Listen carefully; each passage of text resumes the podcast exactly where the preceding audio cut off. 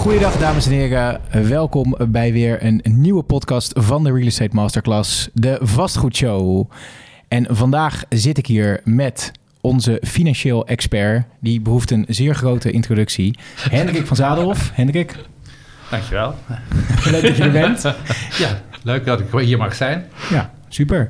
Zou jij uh, kort wat over jezelf uh, kunnen vertellen? Want je bent in, uh, in onze cursus, de cursisten zullen jou kennen, maar de podcast, de luisteraars, die kennen jou, kennen jou niet. Dus um, ja. Goed, ik zal even kort mezelf introduceren. mijn naam is Hendrik van Zadelhof, ik ben 61 jaar. Ik werk als hypotheekadviseur voor beleggingspanden, financieringen. En uh, dat doe ik onder de naam Stella Korte. En mijn achtergrond is dat ik jurist ben en sinds 1994 in het vastgoed zit, met de financiering van vastgoed bezig ben. En ik ben twaalf jaar geleden voor mezelf begonnen, als onder de naam. Nadat ik alle soorten van financieringen gedaan heb, leasefinancieringen ben ik mee begonnen. ontwikkelingsfinancieringen en daarna dus ontwikkelingsprojecten. En daarna de beleggingen. Ja.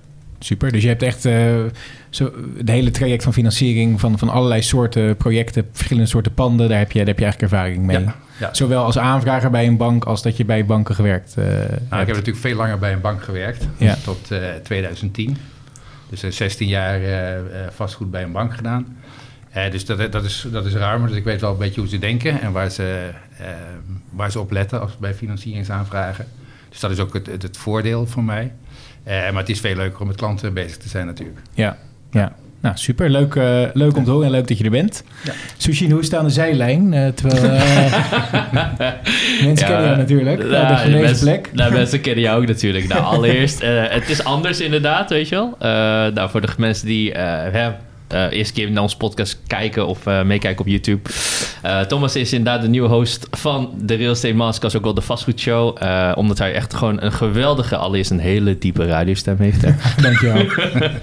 en het ook gewoon heel leuk doet. Dus, en nou, bij Real Estate Masterclass, weet je wat, pakt iedereen eigenlijk ook op waar ze van houden en wat ze leuk vinden. En zoals je aangaf, dit is gewoon een van jouw dingen dat je echt leuk zou Klopt, ja. doen. Dus uh, het is anders zeker, maar uh, ook een hele leuke ervaring. En uh, ja, ik hoorde ook heel veel positieve verhalen over jouw vorige podcast. Hè, en degene die ook met Ilas heb gedaan en Leuk. die eraan zit te komen. Ja. Dus vandaar, ja, met liefde en vertrouwen volledig aan jou gegeven. Top. Nou, dank, bedankt voor deze introductie. Super. Ja. Um, nou, waar we het vandaag over gaan hebben, dat is eigenlijk um, een financiering aanvragen. Of in ieder geval investeren um, in Nederlandse objecten. Maar dan met geld van uh, buitenlandse personen, of weet ik even wellicht. Um, dat is nogal bereikt in de praktijk dat dat uh, nog wel eens lastig kan zijn. En uh, dat is ook de reden dat Hendrik in deze podcast is aangeschoven. Um, Hendrik, zou jij misschien kunnen vertellen wat, dat zo, wat dat zo lastig aan is? Ja, dat kan ik je even heel kort vertellen. Kijk, als je wilt investeren samen met een buitenlandse investeerder die, die het geld geeft, dan moet je altijd de herkomst van het geld aantonen. En het belangrijkste daarbij is dat uh, de Nederlandse uh, notarissen en banken, die weten net, natuurlijk niet precies, uh, die, kunnen, die, kennen, kennen de achtergrond van de documenten niet. dus dat maakt het heel moeilijk voor de, voor de notarissen en de banken om te achterhalen waar het nou precies vandaan komt en of die documenten correct en juist zijn. Dus ze mogen daar, daar kunnen ze niet op vertrouwen. En bedoel je met zeg maar uh, de documenten die ze niet kennen, dat bijvoorbeeld een, een uh, dat ik een bedrijf heb, ik noem maar wat, in, in Tsjechië. En die heeft waarschijnlijk ook de Tsjechische Kamer van Koophandel. Uh, waar je, en, en, een, en een Tsjechische bank. En dan, als ik dan die documenten bij notaris aanlever van ja, via deze BV is het geld verdiend, ja. dan is dat voor hun toch moeilijk om dan te controleren of dat klopt. Nou, je hebt natuurlijk ten eerste al de taalbarrière. ja, ja. dus de, je, ze kunnen het niet lezen. Ja. Uh, dat is, en, maar je hebt gelukkig wel binnen de EG, uh, de Europese gemeenschap, dat, het, dat die dingen over weer eigenlijk wel erkend zijn. Alleen moet je ze dan uh, officieel laten vertalen door, okay. door een officiële vertaalbureau. Dat, dat kan wel, uh, maar je ziet, dat, je ziet dat niet zo heel veel gebeuren. Want dan moet je naast dat je uh, de documenten waar het geld vandaan komt, ook nog de jaarverslagen laten uh, mm -hmm. vertalen. En dan moet ook nog de bank nog kunnen controleren of die jaarverslagen, of dat wel een beetje correct is. En ik weet niet of ze dan kunnen vertrouwen op een lokale accountant die daar zijn handtekening onder zet. Ja. Dus dat is lastig. Ja, ja dus, dus bijvoorbeeld zoiets als een welke accountant heeft gecontroleerd, dat is ook weer iets wat een rol speelt. Ja. Maar als dat bijvoorbeeld een, een KPMG is, dan wordt het weer makkelijker. Dan wordt het weer makkelijker. Dus dat zijn allemaal dingen waar je rekening mee moet houden. Ja, maar dan is het wel meteen drie keer zo duur. Ja, precies. Ja. ja. Oké, heb jij wel eens uh, met dat beltje gehakt, uh, Sushin? Zeker. Ja, wat je dus ziet eigenlijk op een wereldwijd niveau. Kijk, Nederlands vastgoed blijft gewoon interessant. En dus um, ik ik ook, en ik denk velen van ons uh, die internationale relatie hebben, die praten natuurlijk over wel van hoe krijgen we of hoe kunnen we in Nederland investeren in vastgoed. Want de rendementen zijn goed, de huizen zijn goed, we zijn een relatief stabiel economisch land. Uh, een vriend van mij, Remy, hè, dat, uh, die jij ook kent, die wil natuurlijk ook investeren in Nederland met andere hè, fondsen, jongens, noem maar zo. Uh, zeker. En het valt me dan inderdaad wel op van, uh, ook wat Hendrik mij heeft uit te leggen, als je dan bijvoorbeeld mensen uit Frankrijk hebt die in Nederland willen investeren, dat is natuurlijk makkelijker dan mensen die uit China direct ja. bijvoorbeeld komen. Of Hongkong of weet je, andere steden die mogelijk door de bank worden aangemerkt als van hmm, dat. En heeft dat dan te maken met uh, de taalbarrière of dat ze binnen de Europese Unie, dat Frankrijk binnen de Europese Unie ligt? Nou, dat één ding. Dus ja. ik denk inderdaad dat omdat Frankrijk binnen de Fra uh, Europese Unie ligt, dat is één ding. En als je kijkt naar China, um, en vanuit een westers perspectief, dan, dan zie je dus China als misschien minder goed georganiseerd of de papierwerk minder goed op orde en, en mogelijk een hogere corruptieniveau. Ik heb wel eens ja. 2000 euro proberen over te maken naar Remy, naar mijn, eh, een van mijn beste vrienden dan, die in China zat. Uh, ik moest letterlijk gewoon volgens mij 200 euro betalen om daar naartoe te sturen en terug te krijgen. En het werd gewoon afgekeurd voor 2000 euro. Puur het overmaken van 2000 euro's naar China. Wow. Dus uh, ja, kennelijk zijn er wat strengere controles betre met betrekking tot geld overmaken van hier daar naartoe. En ik kan me voorstellen andersom ook. Ja, dus, ja als je, dat, dat lijkt me inderdaad, kijk, dat geld dat het land uitgaat, en zeker 2000 euro, als daar al zo moeilijk over gedaan wordt, ja. laat staan als een investeerder zegt, hey, ik wil uh, twee ton overmaken, hier is een miljoen om, om een paar huizen te kopen. Ja dat dat nog, nog veel moeilijker is. Ja. Ja, oké.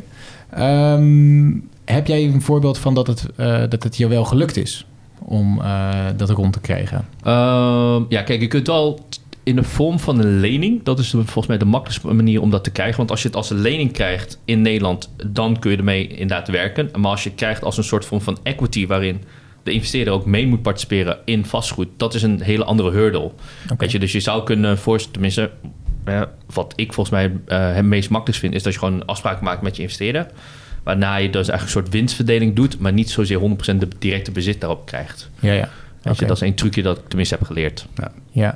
Nou ja, daar moet je dan wel meestal een, uh, juridische entiteit voor gebruiken. Dus een BV ah, of, okay, een, ja. uh, of een CV, maar dan heb je een juridische entiteit. Mm -hmm. En als je daaraan leent, dan is het iets makkelijker. Oké, okay, maar dus ja. als je binnen de Europese Unie tussen twee individuelen leent, kan dat dan wel of niet? Ja, dat kan. Dat kan wel, wel. oké. Okay. Ja. Maar je mag, dat, dat, dat mag normaal gesproken wel, alleen de banken willen dat niet. Hmm. Dus je, elke bank heeft dan weer zijn eigen regels over hoe ze daarmee omgaan. Ja. En uh, de meeste banken hebben uh, gezegd van je mag niet met geleend geld gaan investeren. Mm -hmm. En dat los je dus op door, door een samenwerkingsverband aan te gaan. Dat, ja. je met dat ze allebei eigenaar worden. Ja. En, uh, maar dat, je mag dus niet alleen lenen van, van iemand anders. Ja. Ja. Ook, ook, behalve van je, van je ouders en je broers en zussen, geloof ik. Ja, ja. Oh, ja, ja dus eigenlijk, als ik goed begrijp, als een bank een financiering verstrekt voor een woning, zeggen ze van nou, wij, wij willen 70 tot 80 procent van de waarde in verhuurde staat willen wij financieren. Dat overige gedeelte, dat mag jij niet uh, lenen, ten, behalve van je broers of je zus of je ouders. Um, en als iemand anders, dat is een investeerder, dat, dat stukje dus wel betaalt, dus het OPM waar we het in de cursus ook over hebben, um, dan moet hij eigenlijk mee participeren in het eigendom. Ja, klopt. Ja. ja. En dan is hij een mede-risicodrager, mede-eigenaar. En dan is het, maakt het niet uit of als je met z'n tweeën samenwerkt, maakt het niet uit of het geld van de een of van de ander komt. Of dat je allebei, je hoeft niet per se allebei evenveel te hebben. Mm -hmm. Nee, precies. Dus dan op die manier lossen we dat op. Maar uh, kijk, als het geld uit het buitenland komt, dan wordt het weer lastiger. Ja, dus dit is eigenlijk waar we nu, die situatie die we net uh, hebben genoemd, dat die moet mee participeren. Dat is dus eigenlijk al als je geld leent van een uh, Nederlands persoon Precies. om uh, je vastgoed te financieren. Maar als dus dat stukje eigen geld van een buitenlands persoon komt, dan moet je dus eigenlijk er nog een bedrijf tussen zetten die eigenaar wordt van het object. ja, nou, ja, maar dan kun je ook. Het voordeel daarvan is dat je als bedrijf dan ook gewoon rechtstreeks kunt lenen van die buitenlander. Oké. Okay. En dan, dan, oké, okay, dan is het de BV is dan gewoon schuld, die, die heeft dan een schuld bij die persoon in het buitenland. Ja. En dan is de BV, waar jij 100% aandeelhouder van bent, ja. uh, is de eigenaar van het object. Ja, precies. Oké, okay, duidelijk. Dan kun je, dan kun je natuurlijk uh, met die geldverstrekker afspreken of hij alleen rente krijgt of dat hij ook een winstdelende lening kan, uh, kan krijgen. Ja, precies. En dan is hij indirect toch nog een soort, soort eigenaar. Economisch, min of meer economisch eigenaar. Ja, ja. ja. En dus een koffertje met geld op tafel zetten bij een notaris, dat werkt dus niet. Nee, die, ook, ook, die moet checken waar het geld vandaan komt. In 1994, toen met Wijnbeek kon dat nog, uh, toen jij begon. nee, toen kocht het pand. was, uh, we deden lease, dus we, we, kregen het pand in eigendom en, en uh, huurden het, verhuurden het weer terug voor 15 jaar.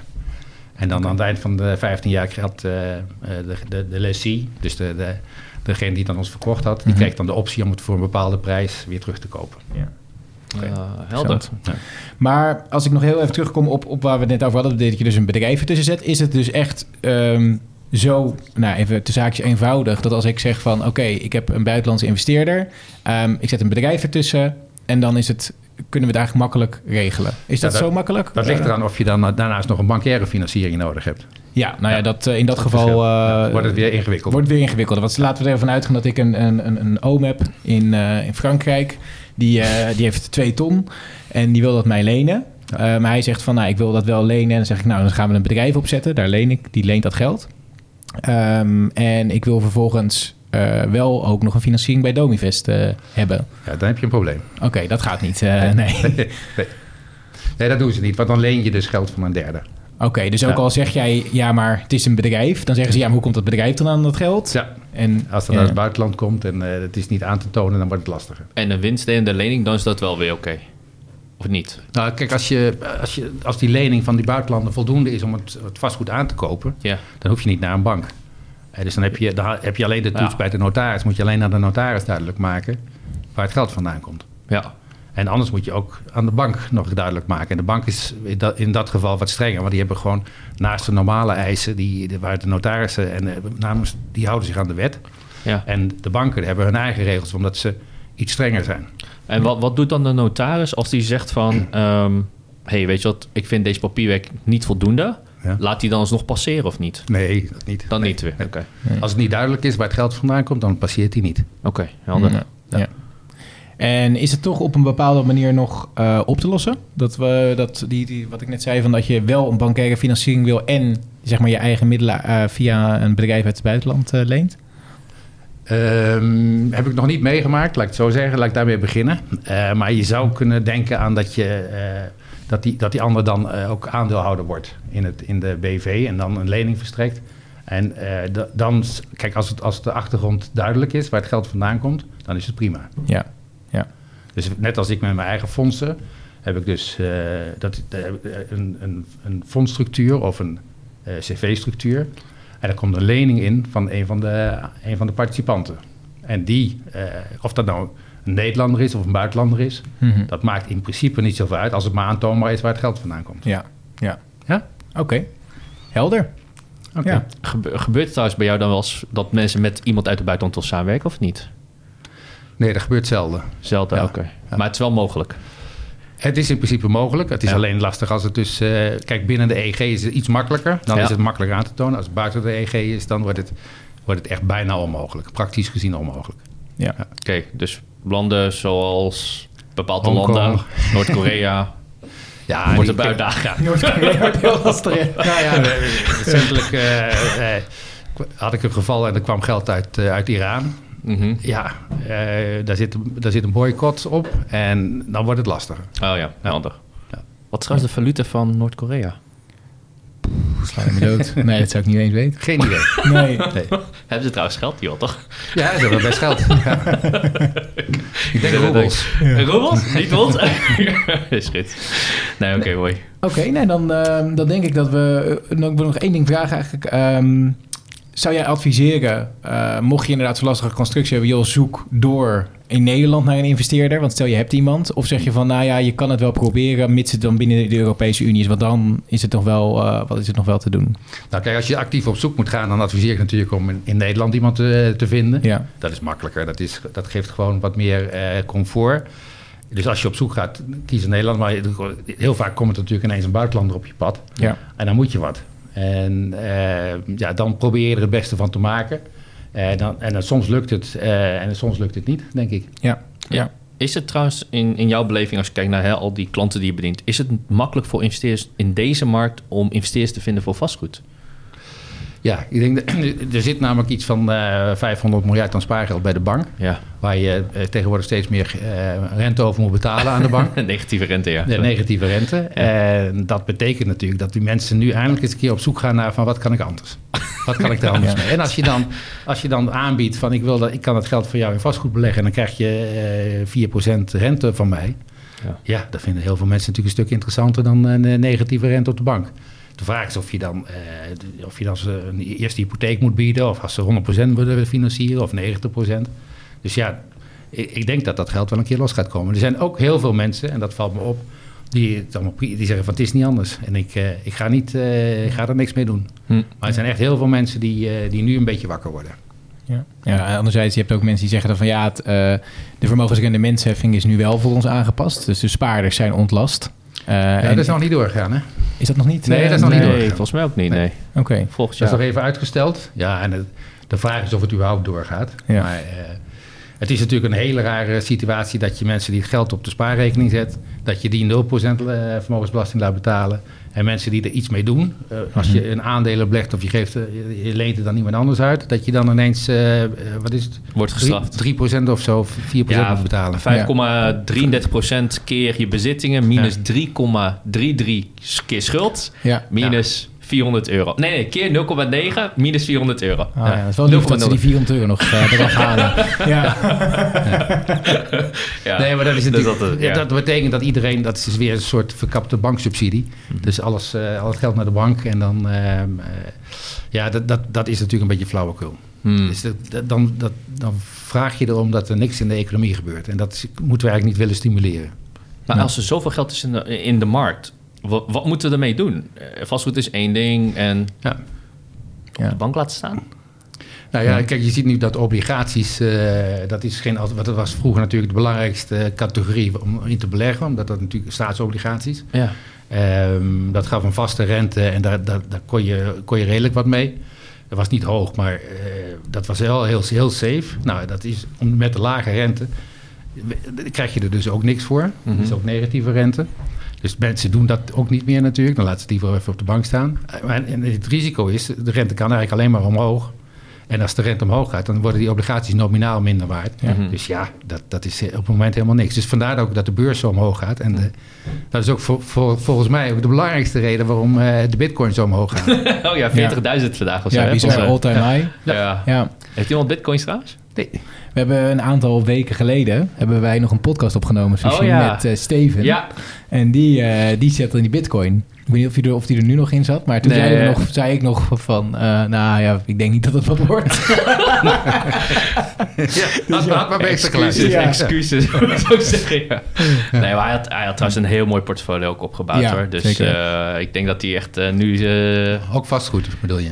Ja, nee, ja, nee, daar gaat hij mee starten Hij, gaat ermee starten, ja. weet je. Maar hij geniet heel veel motor van onze nou ja, weet de bitcoin-koers rondom de wereld, zeg maar. Ja. Dus uh, nee, maar er is gewoon heel veel geld in de wereld. En ik denk nog steeds van, ja, wat doe je met al dat geld als de ECB blijft doorprinten? Hè? Ja. Zoals je zegt, obligaties zijn negatief, zelfs op sommige uh, landen, obligaties dan. Ja, wat dan? Ja, en ik vind het grappig dat je dan zegt van, eindelijk gaan ze er wat mee doen, ja. weet je wel. Ja. Nou ja, kijk, in de beurs, dat is ook dat, daarom herstelt de beurs ook zo, uh, zo snel. Ja. Omdat er zoveel geld uh, een weg zoekt. En dan, ja, dan kom je bij, de, bij, bij vastgoed of bij uh, aandelen uit, bij de beurs. Ja, ja. Nou, mijn mentor zei nog, uh, sorry, ik had nog aan toevoegen. Ik had gisteren even met mijn mentor gesproken. En dat is best grappig. Hij zegt van, in Nederland klagen wij soms over de lage bar, weet je wel. In Azië, Amerika investeren mensen voor 1% rendement. Weet je wel, 1%. 1%. Beijing, Shanghai, New York, Los Angeles. Bruto. Ja? Ja. En, maar dan moeten ze dus volledig, dat kan je niet keer financieren dan.